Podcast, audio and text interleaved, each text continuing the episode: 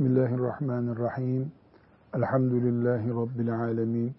Ve sallallahu ve sellem ala seyyidina Muhammedin ve ala alihi ve sahbihi ecma'in. Riyazu Salihinden hadis-i şerifler okuyoruz. 229. hadis-i şerife geldik. Bunlar şüphesiz Peygamber sallallahu aleyhi ve sellemi anlatan sözlerden oluşuyor. Ama biz Müslüman insanı tarif ederken Resulullah sallallahu aleyhi ve sellem Efendimizin sünnetini uygulayan, onun izinden giden insan olarak tarif ediyoruz. Bu da ne demek? Arafat'ta vakfe yapıp hac ettiğinde kim Resulullah sallallahu aleyhi ve sellem olarak o müminin gözünde duruyorsa, hayatın her parçasında da onun peygamberi odur, örneği odur anlamına geliyor. Peygamber sallallahu aleyhi ve sellemi hacda örnek alıp, namazda örnek alıp, oruçta örnek alıp, ticarette, günlük hayatta, ahlakta haşa bir kenara bırakamaz hiçbir Müslüman. Her şeyden evvel Resulullah sallallahu aleyhi ve sellemi hayatın örneği olarak görmek lazım. Hayat örneği olarak gördüğümüzde din onun bir parçası olmuş olacak. Şimdi bir hadisi şerif e, okuyacağız. Bu hadis-i şerif Resulullah sallallahu aleyhi ve sellem Efendimiz'den bize geliyor. Sağlam, sahih e, bir hadis-i şerif. Hiçbir sıkıntımız yok. Bu Resulullah sallallahu aleyhi ve sellemin sözüdür. Hadisi okumadan önce böyle bir uyarıyı gerekli görüyorum. Resulullah dinlenirken sallallahu aleyhi ve sellem Allah'ın bize gönderdiği elçisini dinler gibi dinlememiz lazım. Ki inşallah öyle oluyordur. Ne demek Allah'ın elçisini dinler gibi dinlemek? Biz bir matematik öğretmeninden mesela ilk öğretim esnasında matematik öğreniriz. O öğrendiğimiz matematikle hayat boyu matematikten istifade ederiz. Öğretmenimizi de hayırla yad ederiz. Ama o matematik öğretmeninden biz neticede matematik aldık, ahlakını almamışızdır. Gerekmez de zaten. Herhangi bir tarih bilgisini de ondan öğrenmedik biz. Öğrenmemiz de gerekmezdi zaten. Ama annemizden bebeklik günlerinde süt emdik. O süt ne matematiğe benzer, ne tarih ilmine benzer. Neye benzer? Kendimize benzeriz. Annemizden emdiğimiz süt bizim şu andaki tutan elimizdir bakan gözümüzdür. Tırnağımızdır. Kaşımızdır. Saçımızdır. Her şeyimizdir o süt. Matematik öğrenmeseydim de ben yaşayacaktım. Ama annemin sütü olmasaydı yaşamazdım. Şu gün bu yaşımıza geldik. Annemizin sütünü atalım. Bünyemizden desek e, kendimize atmamız lazım. Atamayız. Annemin sütüyüm ben. Ama matematiği dışlayalım vücudumuzdan desek dışlayabiliriz. Matematik sayesinde kazandığın diploma belli, öğrendiğin matematik belli. Onları bir kenara atabilirsin. Yani kağıt üzerinde en azından. Resulullah sallallahu aleyhi ve sellemi matematik öğretmeni gibi görmek var, ana gibi görmek var. Matematik öğretmeni gibi gördüğün zaman e, matematik öğrendik, Allah razı olsun iyi bir öğretmendi deriz. Tarihi başkasından öğrendik. E, Resulullah sallallahu aleyhi ve sellem'i matematik öğretmeni gibi haşa gördüğü zaman bir mümin, yani ondan namaz kılmayı öğrendim der ve hayatına devam eder. Bu yanlış. O anne sütü gibi bize din vermiştir. Bugün Resulullah sallallahu aleyhi ve sellemi anamızı hayatımızdan dışlayamadığımız gibi sütten dolayı Resulullah sallallahu aleyhi ve sellemi de hayatımızın hiçbir alanından dışlayamayız. Dışladığımız zaman biz hayatımızı inkar etmiş oluruz. Bugün müminler olarak namazı Resulullah sallallahu aleyhi ve sellem'den öğreniyoruz. Neden telefonla görüşme ahlakını ondan öğrenmeyelim? Konuşma, ilişki, iletişim adabı diye bir adab öğretmiş bize. Kur'an okumayı ondan öğrendik. Neden dinlenme, istirahat etme, tatil yapma kültürünü ondan öğrenmeyelim? Peygamber sallallahu aleyhi ve sellem bizim tıpkı anamızın sütünün şu anda elimizde tırnak, yüzümüzde kaş, dişimizde diş olduğu gibi Resulullah sallallahu aleyhi ve sellem de bizde hem ibadet olmalı hem karakter olmalı. Peygamber karakteri aleyhissalatü vesselam bizim üzerimize yansıdığı zaman işte ashab-ı kiramın becerdiğini becermiş oluruz. Bu giriş bölümümüzü şimdi okuyacağımız hadisi şerif için kullandık. Şu anda okuyacağımız hadis-i şerifte şöyle bir korkum var. Resulullah sallallahu aleyhi ve sellem Efendimiz işte namaz günde beş defadır kılmayan cehenneme girecek buyurduğu zaman elhamdülillah kılan da kılmayan da herkes onu ciddiye alıyor. Ama çünkü peygambere namaz e, yakıştırılıyor. Biraz kaba mı oldu bu deyim? Yani peygambere namaz yakıştırılıyor. Şunu kastediyorum. E peygamber namaz kılmak için zaten gönderildi. Kendisi de Miraç'ta namazı aldı. Bize de elbette namazı öğretecek zaten. E, savaş, siyaset, hele siyaset hiç yakıştırılmıyor peygambere. E, peygamber ibadet eder de ne işi var böyle işlerle düşünülüyor. Niye siyasetimizi peygamber sallallahu aleyhi ve sellem'den öğrenmeyeceğiz? Anamızın sütünü vücudumuzun neresinde yok sayabiliriz? Eğer benim anamsa o, hatta süt anamsa bile, diyelim süt anamdır yani orijinal biyolojik annem değil ama süt annemdir diyelim.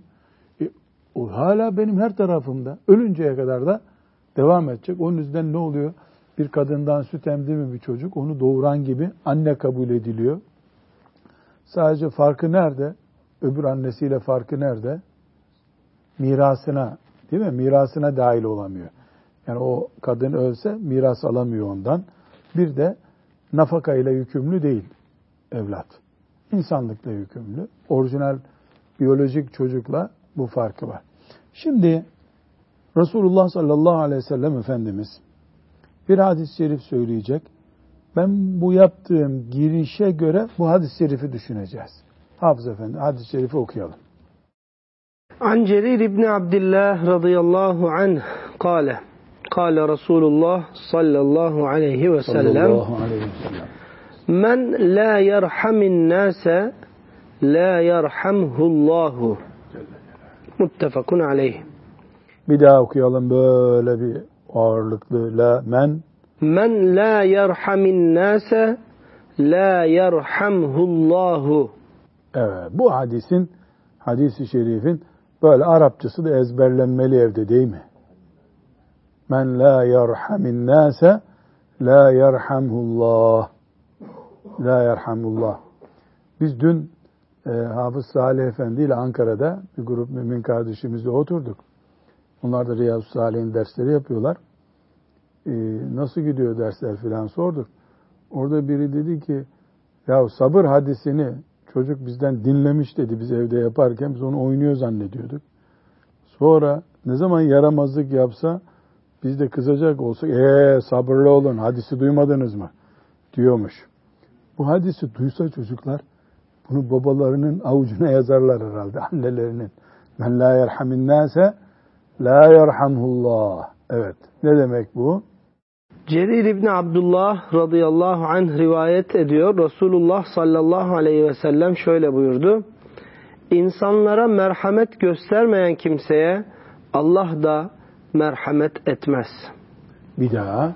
İnsanlara merhamet göstermeyen kimseye Allah da merhamet etmez. Gayet kolay anlaşılıyor değil mi? İnsanlara merhamet etmeyene Allah merhamet etmez. Allah'tan merhamet bekleyen önce ne yapacak kendisi? Merhamet edecek. Merhamet af demekse af. Alaka demekse alaka. Harçlık vermekse harçlık. Karnını doyurmaksa karnını doyurmak. Ee, üşüyor aman deyip ona bir çorap bulmak. İnsanın merhamete muhtaç olduğu yerde öbür insan hemen ben buradayım diyecek. O da bir gün merhamete muhtaç olduğunda Allah onun yanında olsun diye. Bu hadisin kaynakları neler Hafız Salih? Bukhari'de geçiyor, Müslim'de. Müslim'de geçiyor. Ve Tirmizi'de geçiyor. Tirmizi'de geçiyor. Ne demek Bukhari'de, Müslim'de geçmiş olması Kur'an-ı Kerim'den sonra elhamdülillah bu bizim için en muteber kaynak demek, bilgi demek. Yani şu anda biz Resulullah sallallahu aleyhi ve sellem acaba men la yerhamin nase la yerhamullah demiş midir acaba diye bir tereddüdümüz olabilir mi Hafız Efendi? Asla olamaz. Elhamdülillah. Böyle bir tereddüdümüz yok. O zaman cümleyi toparlayalım. Peygamberimiz sallallahu aleyhi ve sellem namaz kılacaksınız nasıl dedi ise aynı şekilde Allah'tan rahmet istiyorsanız siz de merhamet edeceksiniz. Buyurdu mu? Buyurdu. Şimdi şu haliyle Talha Hoca Efendi ya da Hasan Hoca Efendi bembeyaz sakallı Hasan Hoca Efendi ne gülüyorsun bir gün sen de beyazlayacaksın Talha Hoca çok gülme. Şimdi Hafız Salih Hasan Efendi hiç merhameti yok kimseye. Dediğimiz zaman şöyle bir algı oluşsun kafamız. E tabi adam sinirlidir. İşte torunları kızdırmıştır onu. Onun için öyle merhametsizlik yapıyordur. Ya da işte işleri iyi gitmemiştir. Gibi bir mazeret arıyoruz. Şimdi sorum şu. Bu 30 sene insanlara Kur'an öğretmiş. Bembeyaz sakallı Hasan Efendi namaz kılmıyormuş. Diye bir haber duysak maazallah. Bunu nasıl yorumlarız? Yakışıyor mu Hasan Hoca'ya namazı bırakmak? Olamaz böyle bir şey diye yorumlarız. İnanır mısın ben desem Hasan Hoca namaz kılmıyor. E niye? Ya yüzü gözü sakalı işi gücü namazsız olur mu Hasan Hoca? Ama hiç merhameti yok çocuklara. Komşusuna merhameti yok.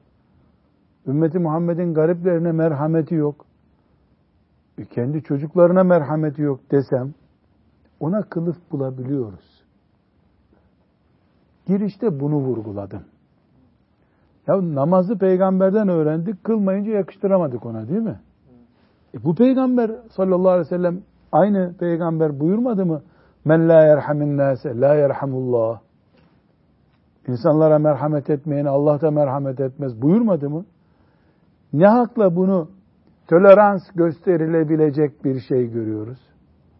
Bu tolerans gösterilecek bir şey değil.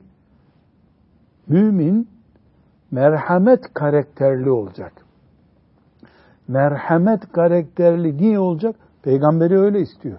Sallallahu aleyhi ve sellem. Peygamber nasıl istiyorsa öyle olacaksın. Mümin namaz kılmadığı zaman peygamberinden kopuyorsa, çünkü peygamber namaz kılın dedi sallallahu aleyhi ve sellem. Aynı şekilde merhamet karakterli adam olmadıkça da o mümin aynı şekilde namaz konusundaki ihmalinde kınandığı gibi kınanması gerekiyor. Ya da hepimiz Müslümanlığımızı aynı zamanda merhametli adam olma olarak görmek zorundayız.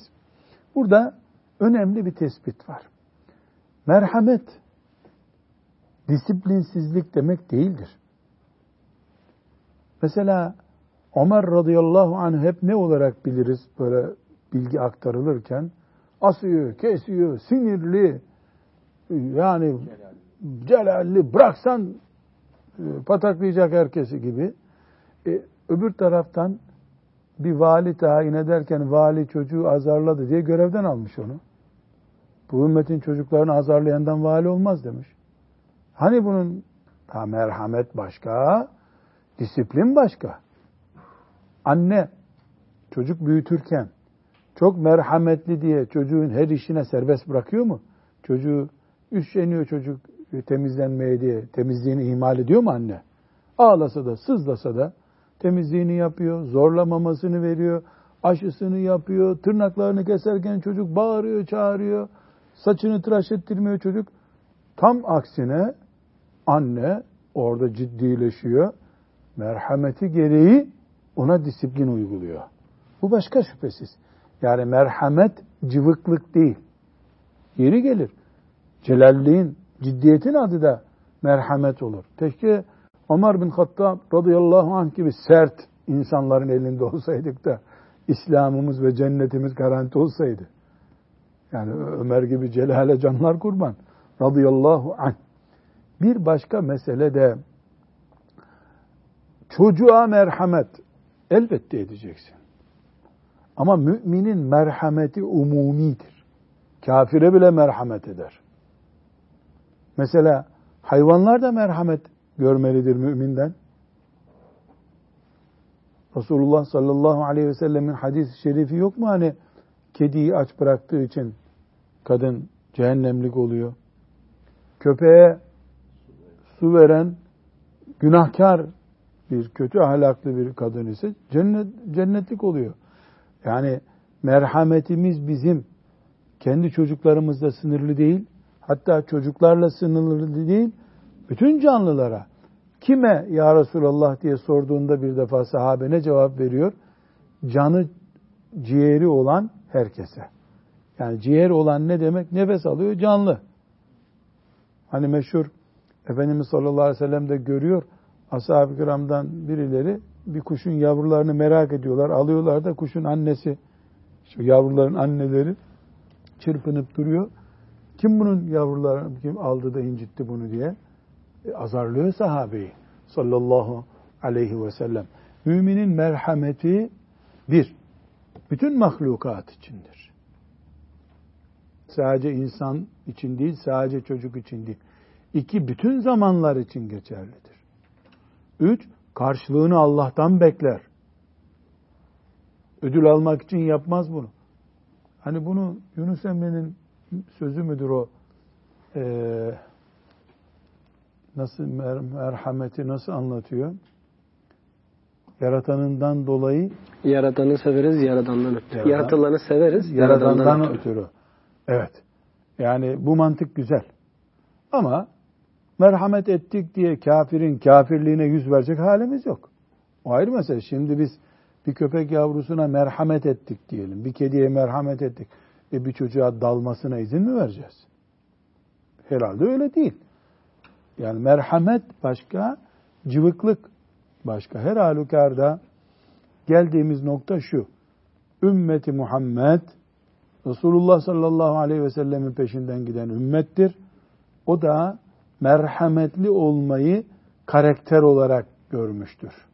Bitti. Anlaşılmayan bir şey kaldı mı bunda?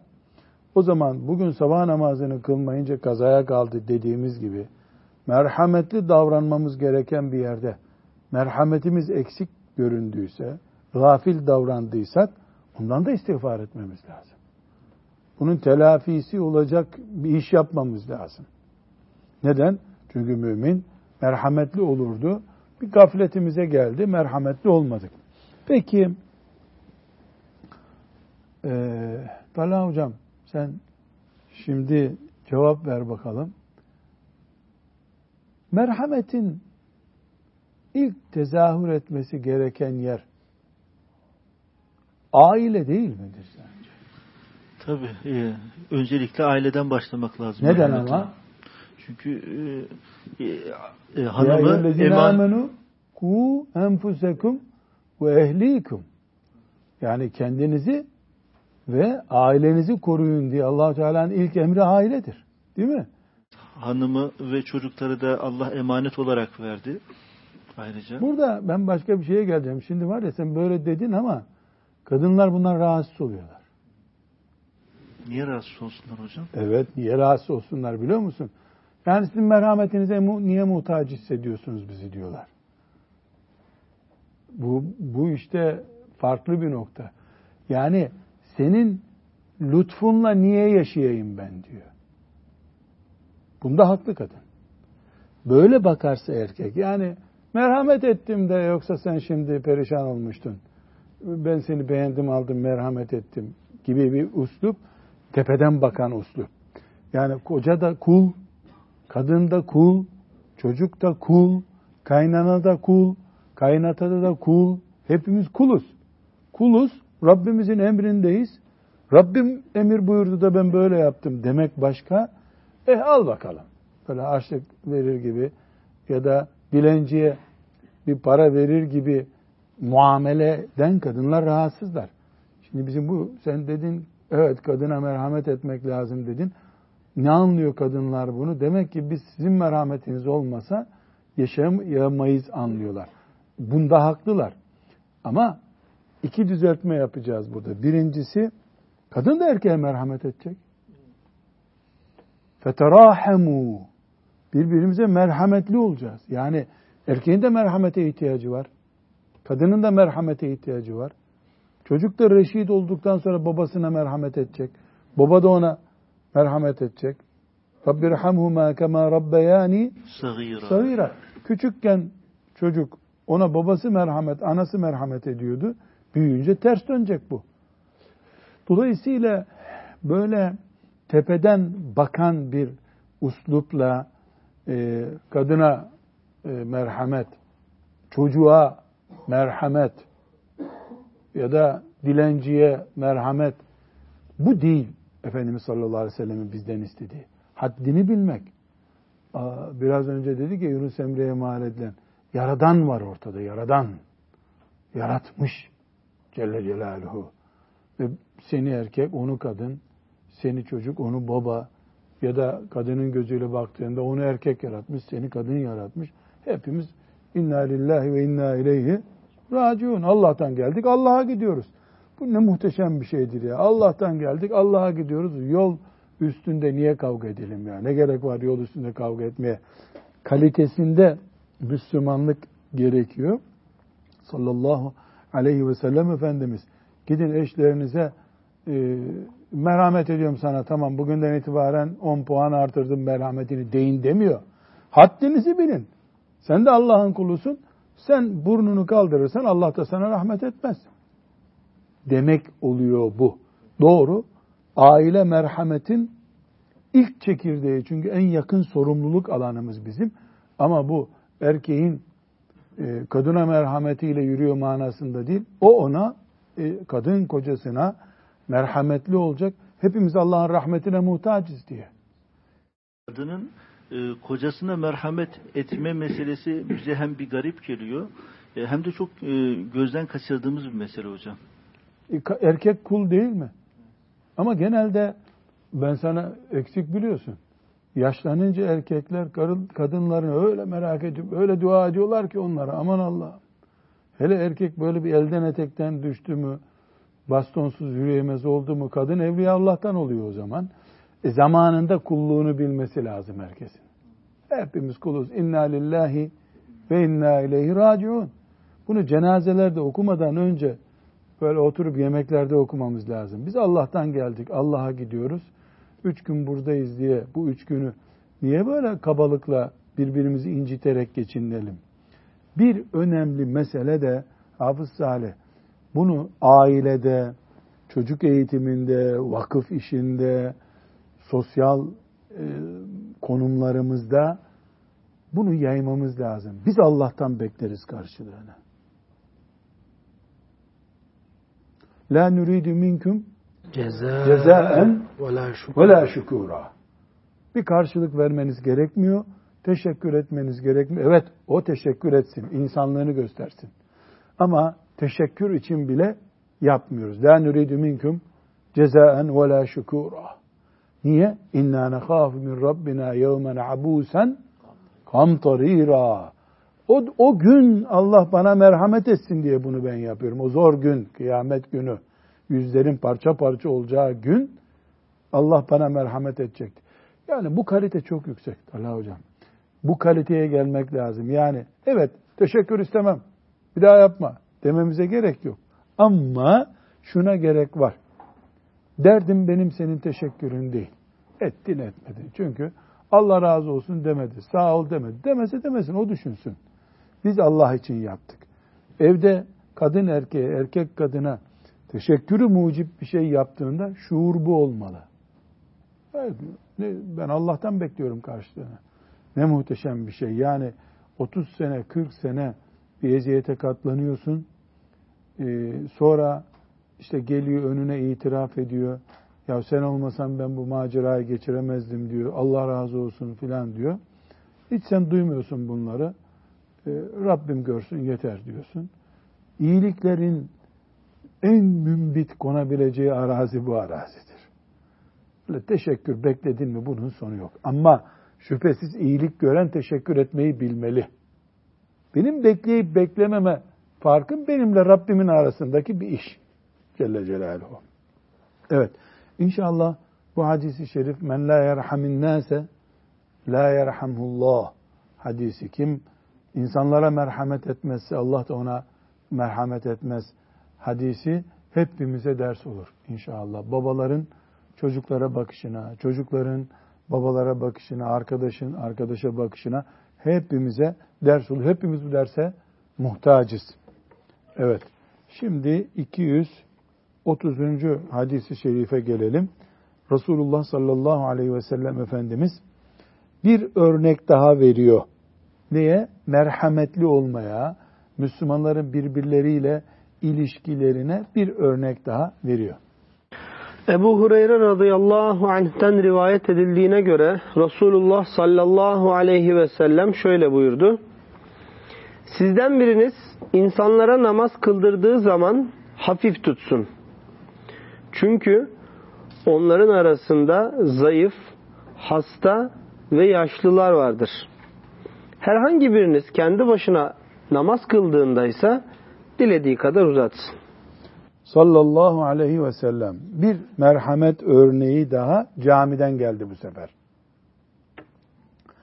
Namazın farzları var. Vacipleri var. Sünnetleri var. Bir de adabı, müstehapları var. Fatiha'yı okumak namazın farzı. Değil mi? Bunun uzunu kısası olur mu? Uzun Fatiha, kısa Fatiha olur mu? Olmaz. Zamm-ı sure diye bir şey var mı Kur'an'da? Var. Bunun uzunu kısası var mı? Var. Kevser suresini okursun. İnna a'taynâkel kevser fesalli li rabbike venhar inne şâneke vel ebtar Allahu Ekber. Namaz sahih olur mu? Olur. Bu namaz olmadı diyebilir mi dünyada kimse? Mekke-i Mükerreme'de Kabe'nin önünde imam. Sabah namazında inna a'taynâkel kevser okudu. İkinci rekata kul huvallahu ehad okudu. Allahu Ekber dedi, secdeye gitti. Bu namaz eksik oldu. Bir mezheplerden bir mezhepte, alimlerden bir alimin görüşünde böyle bir şey var mı? Namaz tamam. Ama sallallahu aleyhi ve sellem Efendimiz sabah namazında uzun okuyun diyor mu? Diyor. Neden? Ya bu madem harf harf yazılıyor sevabı, niye bunu az sevapla geçiştiriyorsun ki? Çok oku. Çok oku. Çok sevap kazan. Ne zaman peki yalnız kılıyorsan 10 sayfa oku birinci rekatta. İkinci rekatta 9 sayfa oku. Allahu Ekber rüküye git. Bunda bir sıkıntı var mı? Yok. Ama sen camide imamsın. Camide namaz kılıyorsun. İmamsın. Arkanda yüz kişi var. Ne buyuruyor sallallahu aleyhi ve sellem? Arkanda hasta olabilir dikkat et diyor. Prostat hastası vardır. Bel fıtığı ameliyatı olmuş hasta vardır. Yaşlı dedeler vardır. Ya da namazımı kılayım acele uçağa yetişeyim diye heyecanlı olan vardır değil mi? Adam namaza gelmiştir. E sen 10 dakika uzattın. O 10 dakikada uçağa yetişeceğini düşünüyordu. Sen birinci rekatı bitirmedin daha. Ne yapıyor Resulullah sallallahu aleyhi ve sellem? Merhametin örneğini götürsen sevap düşünürken hastayı düşünmedin arkada. Kendi hayatında bunun örneğini biliyor musunuz Efendimiz sallallahu aleyhi ve sellemin? Meşhur bir örneği var. Evet, arkasında Hangi? bir ağlama sesi duyuyor. Çocuk ağlaması. Çocuk duyuyor. ağlaması. Tamam. Annesinin o sırada mescitte arkasında namaza durmuş olabileceğini düşünerek Efendimiz İhlas yani suresiyle... Çocuk ağlıyor. Çocuk ağlarken başka bir şey düşünüyor. Bu çocuğun anası camidedir şimdi. Mescittedir. Anne ne yapacak? Çocuğum niye ağladı diye düşünecek. Efendimiz sallallahu aleyhi ve sellem kim bilir iki sayfa zamm-ı sure okuyacaktı. Hemen bir iki satır ne kadar okuduysa Allahu Ekber diye rukuya gidiyor. Sonra ne buyuruyor? Daha uzun okuyacaktım ama o çocuk ağladı. Çocuğun anasının yüreği parçalanır diye ona acıdım diyor. Halbuki belki de o kadın, şimdi ashab-ı kiramdan bir şeyler biliyoruz ya, o kadın eminim ki o çocuk ölse namazını bozmazdı. Hiç duymazdı bile onu. Sahabe karısı merak eder mi peygamberin arkasında namaz kılıyor? Ağlarsa ağlasın çocuk. Ateşe düşmedi ya. Düşünürdü. Ama bugünün kadınlarını da Efendimiz sallallahu aleyhi ve sellem ne yaptı? Asırlar sonraki Müslüman kadınlara da merhametini gösterdi. Babamla Medine-i Münevvere'de namaz kılıyoruz. Bir umreye gelmişti babam. Bayağı bir rükûlerde imamın uzatası tuttu. O zaman şimdi bilmiyorum da o zamanlar Medine-i Münevvere imamları adetleri öyleydi. Rüküyü 3, 5 e, yaparlardı. Yani hele 5 defa Subhan Rabbiyel Azim deyip tesbih ediyorlardı. Namazdan sonra tesbihatı yaptık filan. Babam dedi ki o zamanlar babam işte 50 yaşlarında filandı. Kendisi güçlü kuvvetliydi. Bilmiyorum yazmaya değer misali dedi ki buradaki namaz çok sevaplı bir namaz ama şuradaki kabirdekinin merhametine uygun bir namaz değildi dedi. Efendimiz sallallahu aleyhi ve sellem kabrini göstererek buradakinin merhametine uygun bir namaz değildi dedi. Ben de niye öyle dedin dedim. İki üç tane yaşlıyı gösterdi ön safta. Şu adamlara bak dedi, dikilemiyorlar dedi. Adamlar iki kat duruyorlar dedi. Onlar da o rükûde beklediler öyle dedi. E dedim ki oturarak kılsalardı filan dedim. Uzatma dedi. Yani doğru söyledi ama şimdi bu hadis-i şerifle onu düşünüyorum. Sevabı çok bir namazda ama buradakinin merhametine uygun değildi dedi. Sallallahu aleyhi ve sellem. Sen nasıl gördün babamın bu sözünü abi? Her zamanki gibi orijinal hocam. Yerinde bir tespit evet. değil mi? Evet. Aslında güzel bir şey. Tam sünnete uygun namaz kılın ama bu teravih değil ki. Teravih olsa adam gidip evinde kılsın ya da yan camide hafif kılsın. E, bu muhteşem bir şey. Yani Resulullah sallallahu aleyhi ve sellem merhamete en yakından camiden örnek veriyor. Çünkü orada ne düşünür insan? Ya gelmişsin camide namaz kılıyorsun işte otur oturduğun yerde rahat sevap kazanalım. Münferitken insan yani tek başına kılarken serbest. Sabahleyin başta öğleye kadar nafile kıl. Secdede 300 defa Sübhan Rabbiyel Ala de. Ne yaparsan yap. Ama İmam-ı Azam rahmetullahi aleyh ne diyor? Üç defadan fazla imam Sübhan Rabbiyel Ala demeyecek. Hatta dün Hoca Efendi ne anlattı Salih? Hocalar dedi, e, ta'lim ve tecvid öğreniyorlar dedi. O öğrenme tarzını namazda tatbik ediyorlar bu sefer dedi. Yani hakikaten orada benim dikkatimi çekti o. Yani Müslüman işte hafız olacak. Hoca mecbur ona elhamdü diye söylettiriyor. Ağzını alıştırıyor. Şoförü eğitir gibi eğitiyorsun. Tecvid diyoruz değil mi buna? Tecvid talim yapıyoruz. E namazda böyle okunmaz ki ama. Sen Kur'an öğrenmek için, tecvid öğrenmek için öğrenmiştin. Bir pratiği olması lazım. Yuvarlasan da caiz değil. Kur'an-ı Kerim'e saygısızlık olacak. Belki namaz bozulacak. Aynı şekilde e, insanların böyle usanacakları bir kıraat de okumada doğru değil. Hala külli hal demek ki imam abdesti bozan şeyleri bildiği gibi ne kadar hafif olur, ne kadar ağır olur Bu kuralları da bilmeli. Ama bu hadisi şerif buraya Nevevi getirdi rahmetullahi aleyh. Yani namaz cemaatle ilgili bir konu okumuyoruz biz. İnsanlara merhameti, zulmetmemeyi okuyoruz. Buraya Nevevi bu hadisi şerifi niye getirdi? İmam denen insan arkasında namaz kılanların hallerini, şartlarını bilmesi gereken insandır. فَاِنَّ ف۪يهِمُ الضَّعِيفَ وَذَا الْحَاجَةِ وَالْمَرِيضِ Arkandakilerden derdi olan vardır. Acelesi olan vardır. Bu imamın vazifelerinden biri. Sarığını sarıp ben namazımı kıldırdım, kılan kıldı, kılmayan kılmadı dediğin an sen o, o mezardakinin merhametine uygun bir namaz kıldırmış olmuyorsun demek. Sallallahu aleyhi ve sellem. Evet 231. hadisi şerife şimdi gelelim.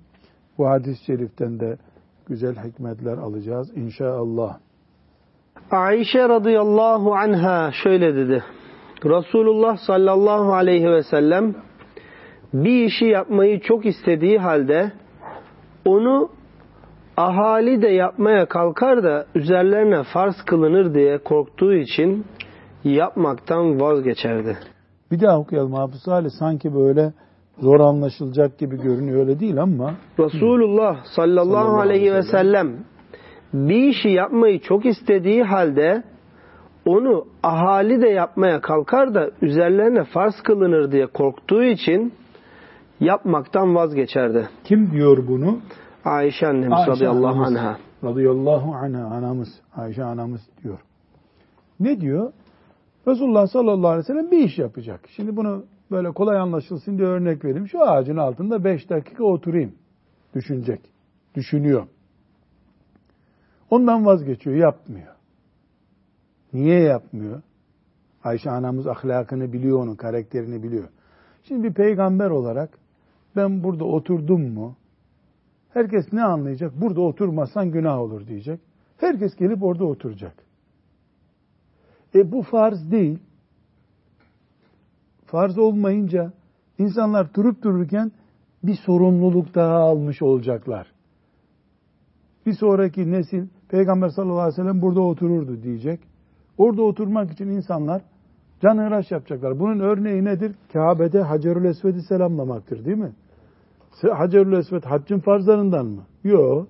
Sünnetlerinden ama ne diyoruz biz? Peygamber sallallahu aleyhi ve sellem buraya selam verdi diyoruz. İnsanlar Arafat'a bile çıkmayalım yeter ki bu selamı verelim düşünüyorlar. Halbuki farz değil. Düşün demek ki Ayşe anamız ne güzel tespit etmiş bunu. Onlarca böyle olay olmuş. Bakmış ki Efendimiz sallallahu aleyhi ve sellem insanlar yığılıyorlar. Düşün ki mesela dört köşesini de Efendimizin selamladığını düşün Kabe'nin. Sadece Hacı Esved değil. Rükn-i Yemani'de mesela hafif bir bilgi var. Rükn-i Yemani'de selamlanır diye. Dört köşesinde de Hacı Esved gibi öpülecek diye bir bilgi olsaydı ne yapardık? Buradan cenazeleri çıkardı insanların. Bir köşesinde Hacı Esved'de izdiham oluyor. Öpülecek, selam verilecek diye. Onun için ne yapmış Efendimiz sallallahu aleyhi ve sellem? Yani madem Allah bunu farz etmedi, ben de bunu milletin önünde yapmayayım da millette, Müslümanlarda, ümmetimde illa bunu yapacağız diye kendi kendilerine eziyet etmesinler düşünmüş. Sallallahu aleyhi ve sellem. Ama bu elbette farz bir ibadette değil ha. Neuzubillah. Millet güneşte çıkmasın Ağustos ayında diye öğleyi bırakmamış. Bu serbest işlerinde. Buradan ne anlaşılıyor? Resulullah sallallahu aleyhi ve sellem insanlığa karşı merhamet doluydu demek ki. Ben yaptım, siz ne yaparsanız yapın deyip gitseydi bir eksiklik değildi bu. Ama mübarek yüreği merhamet doluydu. Merhamet taşıyordu. O merhametin yansımalarından biri. Bunun fıkıhtaki örneği nedir Hafız Salim? Hac ibadeti. Yok. Hac ibadeti. Bu yapacaktı da yapmadığı ibadeti. Teravih namazıdır. Evet. Teravih namazını niye camide mescitte ashab-ı kiramla beraber kılmadı. Yani sürekli bu sefer Ramazan ayında 33 rekat olacaktı yatsı namazı. E, hastalar var, yolcular var, yorgunlar var. E, 33'ü ilk başladığında buluğa yeni ermiş çocuklar Bu 33 rekatı zor kılacaklar. Anaları babaları evladımız namaz kılmıyor düşünecek. Merhamet bu işte. E, mümin de ne yapmalı? Bu merhameti kendine kopyalamalı ama farz ibadetlerde değil. Haramlara esneterek değil. Yani allah Teala'nın farzları zaten saysan saysan kaç tane farz var ya? Bin tane farz yok ki. 200'ü bulmak mümkün değil farzlarda. E, haramlar da bir milyon tane değil. Serbest işler. Serbest işleri Resulullah sallallahu aleyhi ve sellem bu şekilde yapmış. Bizim de onu örnek almamız gerekiyor. Vesselam. Sallallahu ve sellem ala seyyidina Muhammed ve ala alihi ve sahbihi ecma'in. Velhamdülillahi Rabbil alemin.